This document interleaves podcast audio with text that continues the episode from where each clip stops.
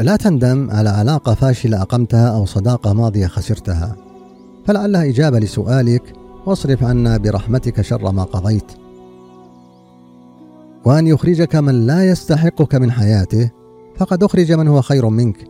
أخرجوهم من قريتكم. يقول نجيب محفوظ من يعرف من لا يصلحون له فقد عرف بطريقة سحرية الصالح المنشود.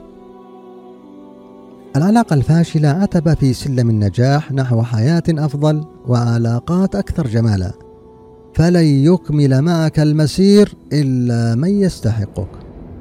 يدخل في علاقة فاشلة وصداقة كاذبة فيقتل مئة نفس فيخرجه من حياته فتختصم فيه الملائكة ولا ترجع إلى أرضك فإنها أرض سوء.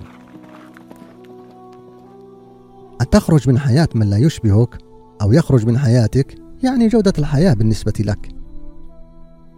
فتية الكهف خرجوا من حياة أقوام لا يشبهونهم فخلد الله ذكرهم في أشرف كتبه حتى كلبهم نال شرف الصحبة والتخليد.